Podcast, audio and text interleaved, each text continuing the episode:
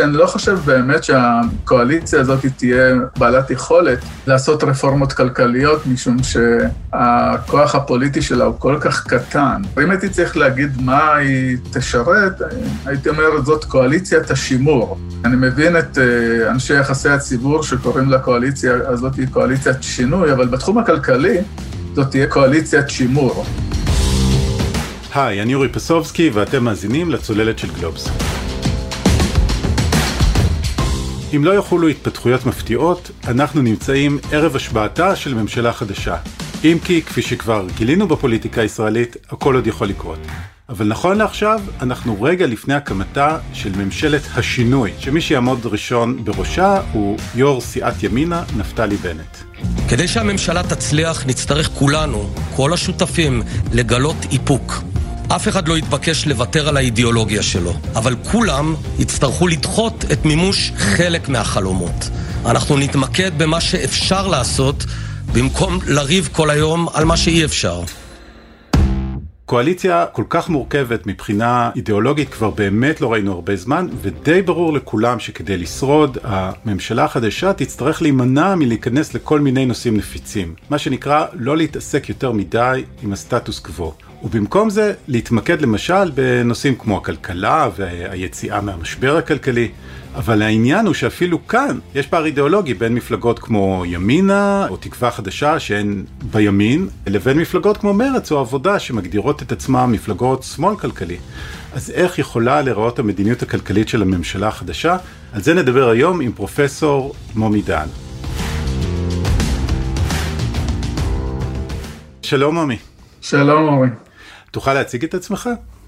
אני פרופסור לכלכלה באוניברסיטה העברית, בבית הספר למדיניות ציבורית. רגע לפני שנדבר על הממשלה החדשה, בוא נדבר ככה על פוליטיקאים באופן כללי. אם אנחנו רוצים להבין איזה מדיניות כלכלית נבחרי הציבור ינהיגו, כדאי אולי לדעת מי הציבור שבחר אותם. כן, יש איזה יחסים הדדיים בין פוליטיקאים לבין הבוחרים. ודמוקרטיה, בדרך כלל אנחנו חושבים על מצב שבו הפוליטיקאים אמורים להיות אה, נשאים של העמדות של הבוחרים שלהם. כלומר, הם אמורים להיות אה, מייצגים של אה, עמדות מסוימות. כמובן שהעמדות הן לא רק בתחום הכלכלי, אלא כן. בוחרים פוליטיקאים לפי סל של דברים שכוללים ערכים וזהויות וכולי, וגם המצב הכלכלי.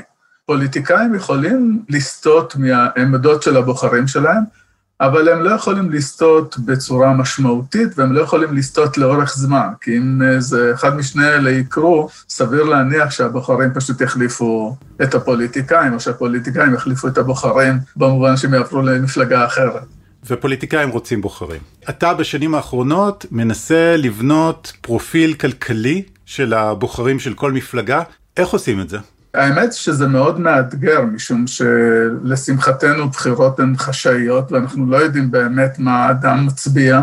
כן. ולסמוך על הסקרים שיהיה לך בהצלחה, ולכן אנחנו נשארים עם איזה אתגר די קשה לפיצוח, שהדרך שבה אני מנסה לגשת לעניין הוא להסתכל על קבוצות של בוחרים ולא על בוחרים ספציפיים. וקבוצה של בוחרים זה יכול להיות אה, יישובים, יכולים להיות יישובים קטנים, יישובים גדולים וכולי.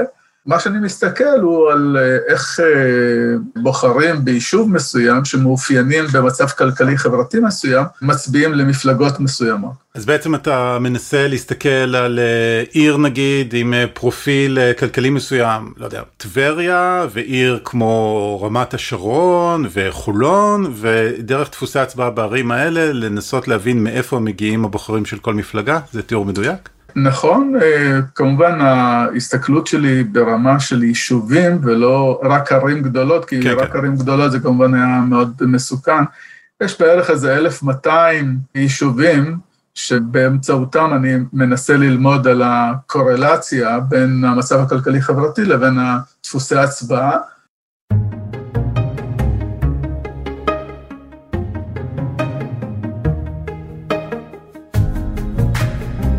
אוקיי, okay. אז אחרי ההקדמה הזאת, בוא נדבר על הממשלה החדשה. כי לכאורה הממשלה הזאת אמורה לא לגעת בסטטוס קוו, להתעסק רק בכלכלה, אבל היא מורכבת ממפלגות מאוד שונות מבחינה אידיאולוגית. כלומר, לא ברור שאפשר לשים את הנושאים הנפיצים בצד ולמצוא את המכנה המשותף בתחום הכלכלי, כי אתה יודע, אלה בעד הורדת מיסים ואלה בעד העלאה, אלה בעד שוק חופשי ואלה בעד פיקוח על שכר דירה. תהיתי אבל אם הפרופיל של הבוחרים של המפלגות השונות כן יכול ללמד אותנו משהו בהקשר הזה. אתה עולה כאן על נקודה מעניינת, והיא שכשמסתכלים על המפלגות שהולכות להרכיב את הקואליציה הזאת, כן. הרוב המכריע של המפלגות, הבוחרים שלהם הם מאותו אזור חיוג, כלומר, אם מסתכלים על uh, דפוסי הצבעה של בוחרים בישראל, רואים שמפלגות ימינה, תקווה חדשה, מפלגת העבודה ומרץ, אמנם הן חלוקות ברמה המדינית, אבל מבחינה כלכלית-חברתית, הבוחרים שלהם באים בדיוק מאותו מקום. כלומר, ככל שהמצב הכלכלי-חברתי יותר טוב, המצביעים נוטים להצביע למפלגות האלה, בין אם זה ימינה ותקווה חדשה, או כחול לבן יש עתיד, והם מאוד שונים, וזה הדבר המעניין, מנניח הליכוד, הם מאוד שונים מהמצביעים של בצלאל סמוטריץ', במובן הזה יש אה, כמעט זהות, זהות אינטרסים מבחינת הבוחרים שלהם, אילו היינו מסתכלים רק על המצב הכלכלי. כמובן שהבוחרים והפוליטיקאים מתעניינים לא רק במצב הכלכלי, אלא גם בדברים אחרים, אבל הדבר המעניין, אפילו הייתי אומר המרתק, הם באים פשוט מאותה קבוצת אוכלוסייה.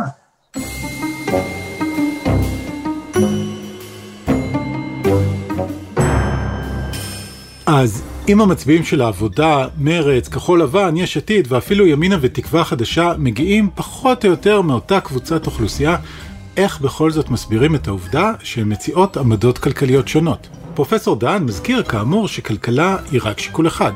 קחו למשל מצביע עם עמדות כלכליות ימניות, אבל בעמדות שמאל מדיני.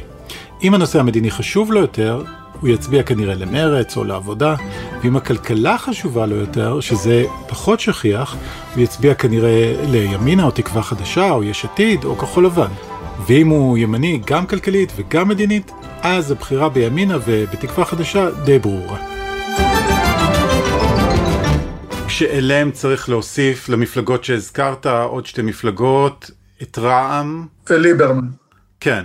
כמובן רע"מ היא יוצאת דופן בכל מיני מובנים, גם במובן הזה. המצביעים של רע"מ הם כמובן בחלק התחתון של ההתפלגות, וגם uh, המצביעים של uh, ליברמן, של ישראל ביתנו, הם קצת שונים מאשר יתר המפלגות. אבל באמת אלה שתי מפלגות שיחסית הן יוצאות דופן, ליברמן פחות, מנסור עבאס יותר, אבל אם אני מסתכל על הרוב המכריע של המפלגות, הרוב המפלגות שמרכיבות את הקואליציה, אז רואים כאן יחסית תמונה די ברורה, בהירה, ככל שעולים ברמת המצב הכלכלי-חברתי, כך אנחנו נראה יותר מצביעים לכל המפלגות האלה, כמובן למעט, אה, כמו שאמרת, ליברמן ומנסור עבאס. אז רציתי להתעכב עוד על ישראל ביתנו וליברמן אה, בהמשך, כי אתה יודע, אה, הוא בכל זאת יהיה שר האוצר, ככה זה נראה. אבל בהינתן הרוב המכריע של המפלגות, כמו שאתה אומר, שככל שאתה עולה בעשירון הכלכלי, ככה סביר יותר שתצביע לאחת מהן, מה זה אומר לנו על המדיניות הכלכלית שהן יכולות להנהיג? תראה, האמת היא שהניתוח שלי אולי לכלכלנים יהיה קצת מאכזב, במובן שאני לא חושב באמת שהמצב הכלכלי, הגורם המרכזי בהצבעה, אלא דברים אחרים, אני חושב, ממלאים אה, תפקיד.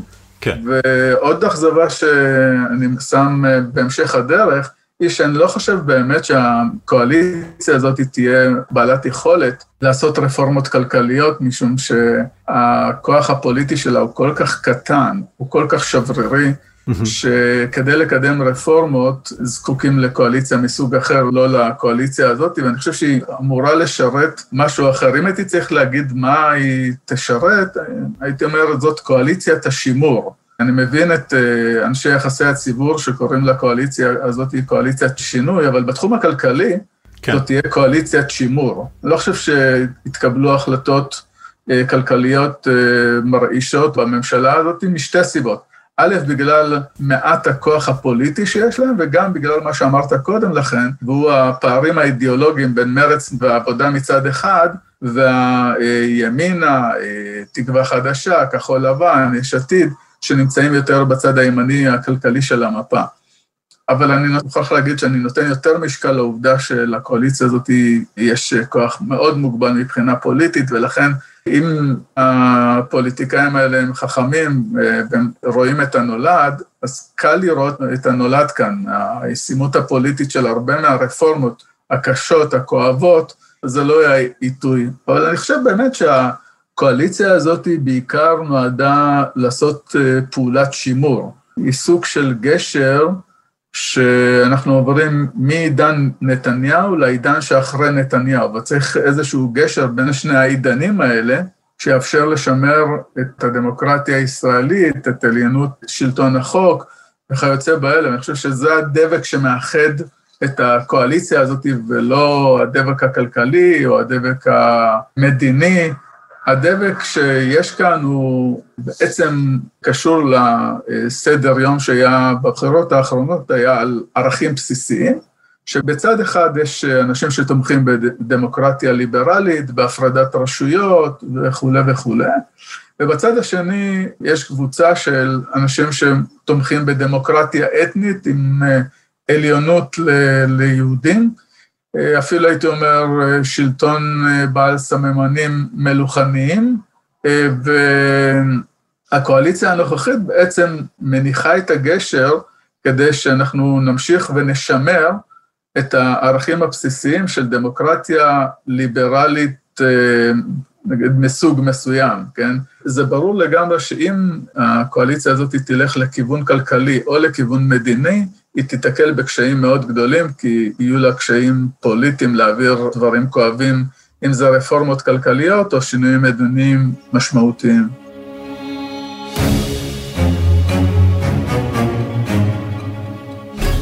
נגיע בהמשך לשאלה אם אתה חושב אישית שדרושות פה איזה רפורמות כלכליות דחופות, אבל עוד לפני זה, אתה יודע, אה, הממשלה כן תמצא את עצמה בפני גירעון שצריך אולי להוריד אותו מתישהו, וכן אה, תצטרך אה, להתמודד עם השאלות של איך לחזור לצמוח, כמה משקל צריך לתת לחוב, כלומר, בכל זאת אנחנו יוצאים בשאיפה מאיזשהו משבר כלכלי, זה כן דורש החלטות, לא? זה דורש החלטות, ואני מניח שגם הם יתקבלו, אבל הן יחסית החלטות קלות. Hmm. אני אגיד גם למה אני חושב שההחלטות הן יחסית קלות, משום שהרבה מהגירעון נובע מדברים שהם חולפים. אם זה המיתון, אם הוא יחלוף, ואנחנו אה, בכיוון הנכון, ואז אה, כמובן ההכנסות יחזרו למקומם, והרבה מתוכניות הסיוע, אה, שניתנו במהלך אה, משבר הקורונה הם אה, סיוע בעל אופי זמני, אם זה מענק לכל אזרח, או הסיוע לעצמאים, או אפילו בתחום של הבריאות, אם אנחנו כמובן נעבור את המשבר הבריאותי, כן, אם המשבר הבריאותי, אנחנו נראה אותו רק במראה האחורית, אז אנחנו לא זקוקים לכל ההוצאות הגדולות האלה, ולכן יחסית לשר האוצר, באמצעות תיקונים קטנים יחסית, אפשר לסדר את העניינים. אבל אם נרצה לעשות רפורמות יותר משמעותיות, אם זה להורדת יוקר המחיה, או לעשות רפורמות בכיוונים שאני חושב עליהם, כמו חיזוק מדינת הרווחה, דברים מהסוג הזה, אני לא חושב שהכוח הפוליטי, העוצמה הפוליטית, מה שנדרש מהמערכת הפוליטית, אני לא חושב שלממשלה הזאת יש את הכוח המתאים כדי להעביר רפורמות מהסוג הזה. הממשלה יכולה להעלות את המע"מ באחוז אחד, לא להעלות שם איזה, עוד איזה מס באחוז פה ואחוז שם, היא תוכל לעשות את זה. לעשות דברים גדולים, היא לא תוכל. אז בעצם אתה אומר שהיא יכולה להיות מפלגת שימור במישור הכלכלי, כמו שאתה מגדיר את זה, פשוט כי אם אנחנו אכן יוצאים ממשבר הקורונה, אז הכלכלה פחות או יותר תסתדר מעצמה, אם לנסח את זה באופן קצת פשטני? אני חושב שבגדול, אם לא רוצים לעשות אה, רפורמות, הגירעון התקציבי ישוב, אולי לא במהירות, אבל הוא ישוב יחסית אה, לאיזשהו גודל סביר, עם תיקונים כאלה ואחרים שגם ממשלה עם כוח יחסית פוליטי ויחסית מוגבל יכולה לעשות.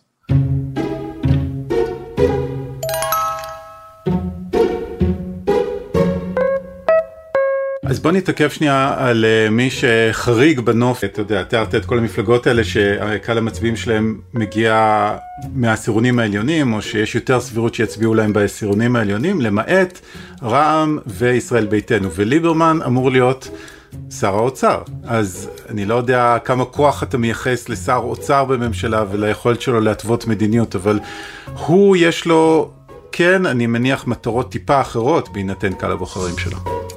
ליברמן הוא באמת אה, מקרה מאוד מיוחד במובן שהוא בעל עמדות מאוד דומות ליש עתיד ולכחול לבן ולימינה, כלומר מבחינה אידיאולוגית כלכלית הוא נמצא שם, כלומר הוא נמצא באותו מקום שבו נמצאים אה, נפתלי בנט, איילת שקד, יאיר לפיד, הבוחרים שלו הם בוחרים מיוחדים. מצד אחד הם ממוקמים יחסית איפשהו במעמד הבינוני, הבינוני אולי הגבוה, אבל אה, כשמסתכלים על ניתוח של עמדות של יוצאי ברית המועצות לשעבר, אנחנו תמיד מוצאים אותם יחסית יותר בצד הימני של המפה. אז הם עדיין לא ממוקמים אה, בחלק העליון, כי בכל זאת הגירה זה דבר לא כל כך פשוט, אבל מהבחינה הזאת ליברמן נמצא איפה שהבוחרים העתידיים שלו נמצאים. כלומר, איפה יהיו יוצאי ברית המועצות בעוד שני עשורים, עוד שלושה עשורים, הם יהיו באזור של הבוחרים שנמצאים היום יש עתיד וכאלה. כלומר, הציפייה היא שיוצאי ברית המועצות יהיו בחלק העליון, בעשירון השמיני, התשיעי, העשירי, ובמובן הזה ליברמן הוא לא באמת שונה מהמפלגות האחרות, ולכן אני מבחין בין ליברמן לבין מנסור עבאס, כן? אצל ליברמן זה עניין זמני של, של הבוחרים שלו, שהם כרגע נמצאים בעשירון השישי, אבל הם צפויים בעתיד, או הילדים שלהם צפויים להיות בחלק העליון. והוא בהחלט אה, דואג א', לעולים, כעולים, אה, במיוחד רלוונטי העניינים הפנסיונים, אז יש עניין סקטוריאלי.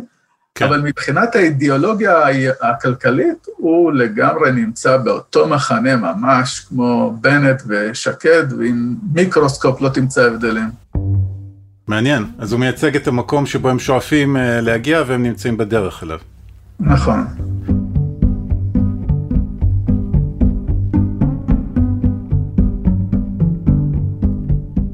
אוקיי, אז תשמע, זה היה ככה במבט קדימה, ואם אני מבין אותך נכון, במבט קדימה מה שהיה הוא פחות או יותר אה, גם מה שיהיה.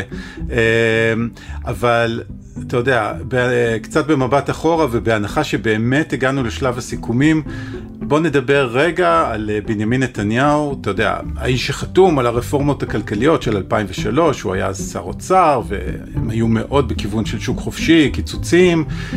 אני מבקש מכם לדמיין את התמונה הבאה. דמיינו אדם ששוקל 45 קילו, שסוחב על הגב שלו אדם ששוקל 55 קילו. הרזה צריך לסחוב את השמן, בשלב מסוים הוא לא יכול, ולכן מה שאנחנו חייבים לעשות זה להקטין את הסקטור הציבורי, והשני, להגדיל את הסקטור הפרטי. בשנים האחרונות הוא נוקט מדיניות קצת אחרת. איך אתה מסביר את זה? אני חושב שנתניהו היום הוא לא נתניהו של 1996. אה, אם ב-1996, ואפילו בתחילת שנות האלפיים, הוא ייצג השקפת עולם מאוד בהירה של גישה כלכלית אה, ליברלית, ליברטריאנית אפילו, הייתי אומר, שדוגלת בכלכלת שוק אה, מובהקת ואין מקום לממשלה וכולי. נתניהו של 2009 הוא אדם אחר לגמרי. השנים האחרונות אני חושב שהוא יותר נטה לזרם הפופוליסטי, אה, במובן שפחות אה, הסתכל מהן האמונות שלו, ויותר ניסה לרצות את הבוחרים שלו גם כדי לשרוד פוליטית. ובמהלך אה, משבר הקורונה, נתניהו עשה דברים שנתניהו של 1996 היה נדהם. Hmm. אם אני מסתכל על, על ישראל, אז נתניהו היה בין התומכים הכי משמעותיים של רגולציה של פעילות האנשים. כן, תחשוב על כן. מי היה בעד סגר, מי היה בעד ההגבלות, זה נתניהו מאוד שונה מהנתניהו של 1996. נתניהו במשבר הקורונה אה, נותן מענק לכל אזרח. נתניהו של הקורונה מעניק הרחבה של דמי אבטלה עד יוני 2021. אלה דברים שלא ראינו מנתניהו בעבר. אגב, בחלק מהדברים אני תמכתי ואני עדיין תומך, אני חושב שהרחבת הזכאות לדמי אבטלה עד יוני 2021 הייתה החלטה נכונה. היו עוד החלטות שאני חשבתי שהן נכונות, אבל זה מאוד מאוד שונה כן. מנתניהו של 1996. ואתה יודע, כשאתה מסתכל על הנתונים אה, שגיבשת ואספת, זה קשור גם לזהות הבוחרים של הליכוד? השינוי הזה בעמדות שלו? אני לא בטוח שהמימד הכלכלי הוא ממלא תפקיד חשוב, אבל הוא כמובן תומך. כלומר, העובדה שהליכוד היא מפלגת המעמד הבינוני, כנראה הייתה גם שיקול. אני לא, כמובן, אני כאן מנחש, אני לא בוחן כליות כן. בלב, אני לא הייתי עם נתניהו בחדר, אבל גם מענק לכל אזרח וגם אה, הרחבת אה, דמי אבטלה, שכמו שאמרתי, אני תמכתי בה ועדיין תומך בה, היא בהחלט משהו שמשרת את המעמד הבינוני הנמוך. שהוא אה, ליבת המצביעים של הליכוד. הליכוד היא מפלגת מעמד בינוני קלאסית. נתניהו, לעומת זאת, בטח נתניהו של 1996, הוא היה יכול להיות ביש עתיד ולהרגיש ממש בנוח. כן. אבל הצעדים שהוא עשה יותר מתאימים באמת למעמד בינוני, כלומר, נדיבות שהתגלתה כאן, שבצדק אנשים חושדים שהיו גם מניעים פוליטיים, הייתה בין השאר לשמר את ה base, וה base הזה הוא base אה, מעמד בינוני, מענק לכל אזרח הוא לא כלי מדיניות שאהוב על אה, מצביעי יש עתיד או כחול לבן. אתה יודע, מעניין אולי לחשוב בהקשר הזה על נפתלי בנט ואיילת שקד, כי אתה יודע, קצת כמו נתניהו אה, של פעם שתיארת, הם בימין הכלכלי, אולי אפילו הליברטריאני, אבל בפועל עם הקו הזה צריך להגיד שהם לא הצליחו יותר מדי בקלפי, כלומר, יש להם שבעה אה, מנדטים לימינה. אם באמת הם רוצים אה, לגדול, אולי לנגוס במנדטים של הליכוד, לפנות לבייס של הליכוד, שכמו שאתה אומר זה מעמד הביניים, יכול להיות שגם הם צריכים לשנות את העמדות שלהם. אני חושב שהשפה שבה איילת שקד ונפתלי בנט מדברים בה, היא שפה סינית לבוחרי הליכוד. אני לא חושב שהשפה של כלכלת שוק אה, קיצונית, קפיטליסטית, שאפילו בארצות הברית כבר אה, יש לגביה ספק. ביידן השיק תוכנית שממש רחוקה מרחק מזרח ממערב מהעמדות של בנט ושקד. אני לא חושב שיש להם אה, קהל בוחרים, שהוא יותר גדול ממנדט אחד או שניים במובן הקלאסי של ה... אני חושב שנתניהו הבין את זה, כלומר, שאם הוא ילך עד הסוף עם האמונות שלו של 1996, הוא יישאר עם קהל יחסית uh, קטן, והוא חווה את זה ב-2006 עם 12 מנדטים. כך שלנפתלי בנט ולאיילת שקד יש קהל בוחרים שאפשר את כולו להכניס אולי באולמות של פורום קהלת. מעבר לזה לא יישאר כל כך הרבה קהל, והם באמת לא עברו את אחוז החסימה, רק לא מזמן. צריך להגיד שהבוחרים בישראל בוחרים קודם כל לפי דברים אחרים, אם אני רוצה להיות אה, הוגן כלפי איילת שקד ונפתלי בנט. כן. הם בוחרים לפי זהויות, הם בוחרים לפי ערכים, הם בוחרים לפי הלאום, ורק בסוף בסוף לפי השיקול הכלכלי. אני חושב שהשיקול הכלכלי הוא בעיקר רלוונטי ליהודים לא חרדים, וגם שמה הוא במידה מוגבלת. כך שאני לא חושב שהשיקול הכלכלי או האידיאולוגיה הכלכלית היא פלטפורמה למשוך אחריה הרבה בוחרים. דווקא הערכים, הזהויות, השיח הזה הוא, אה, אני חושב, אה, יותר מושך לבוחרים שלנו. אז למרות שאנחנו מדברים, אתה יודע, בפודקאסט של אה, עיתון כלכלי, נאלץ להודות בעצב שאולי הכלכלה היא לא הכל, או אפילו לא מספר אחת בהכרח כשניגשים אה, להצביע.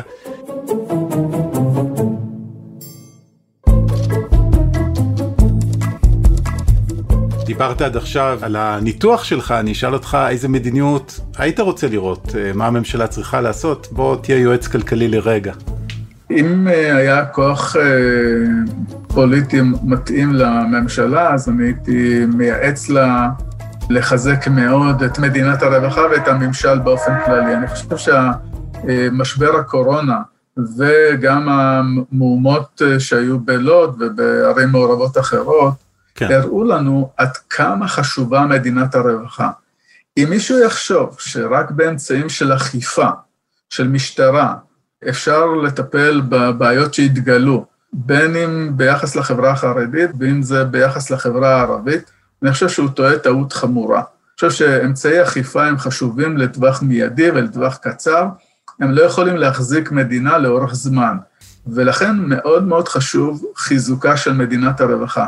הצעירים הערבים שהם אה, או מובטלים או לא עובדים, או נמצאים בשוליים של שוק העבודה, הם אה, טרף קל גם לעולם התחתון בחברה הערבית. ואנחנו, אה, מדינת הרווחה, צריכה להציע הצעה אטרקטיבית כך שצעיר ערבי, כשהוא מסיים את בית הספר, מוצא לפניו או רואה לפניו שוק עבודה מאוד אטרקטיבי. זו דוגמה אחת, אפשר כמובן לתת דוגמאות אחרות, אבל אני חושב שזה מובן. אני חושב שכל אחד מבין עד כמה הממשלה היא חשובה לדברים הבאמת חשובים לחיים, כשמדובר במשבר בריאותי או במשבר ביטחוני פנימי. לכן אני חושב שאם היה כוח לממשלה, הייתי ממליץ לה לחזק בצורה משמעותית את, ה, את מדינת הרווחה. כיוון שאני ריאלי, אני לא חושב שזה מה שיקרה, ולכן אני, מה שהייתי בעיקר מציע לממשלת השימור או לקואליציית השימור, זה באמת לשמור על אה, תקציב המדינה. קודם כל להעביר תקציב, וב' לדאוג לכך שלא תהיה התנהגות בלתי אחראית מבחינה תקציבית, לשמור על גירעון יחסית נמוך עד שתגיע הממשלה המתאימה. Mm. ובמובן הזה אני רואה את הממשלה הזאת יותר גשר לעידן שאחרי נתניהו, אה, זה פחות או יותר אה, ההערכה שלי. אתה יודע, אבל יש נושא אחד שנראה לי שאולי לא דורש כאלה תעצומות פוליטיות וכן נמצא יחסית בקונצנזוס, וזה, אתה יודע, תשתיות, לבנות מטרו, לעשות איזה פרויקט גדול, ויש כל מיני דברים שאפשר לעשות. פה אולי כן אנחנו יכולים לראות את הממשלה הזאת עושה מהלך משמעותי? אני חושב שבתחום התשתיות זה יחסית באמת תחום שהוא מצריך פחות כוח פוליטי גדול. יש אה, מעט אה, מתנגדים לתשתיות, והשאלה באמת, האם יש אה, צורך בתשתיות נוספות שיש להן תשואה כלכלית וחברתית מאוד גבוהה? כי אני אגיד, בתור מי שנוסע ברחבי ישראל, ואני נוסע די הרבה, אני כמעט כל המדינה הפוכה, אז אני לא יודע אם עדיין דרושות תשתיות פיזיות כאלה. יכול להיות, אני יותר, כמו שאמרתי קודם, חושב שהבעיה שלנו היא יותר תשתיות אנושיות ופחות תשתיות פיזיות. וואלה, כלומר, אתה יודע, אני חשבתי שהמטרו זה בלב הקונצנזוס. אה. כן, אה, כלומר, בממשלה כזאת אתה צודק, אה, תשתיות, זאת נקודה נכונה, תשתיות פיזיות זה משהו שמצריך פחות כן. כוח פוליטי. אוקיי, פרופסור מומי דן, תודה רבה. תודה רבה.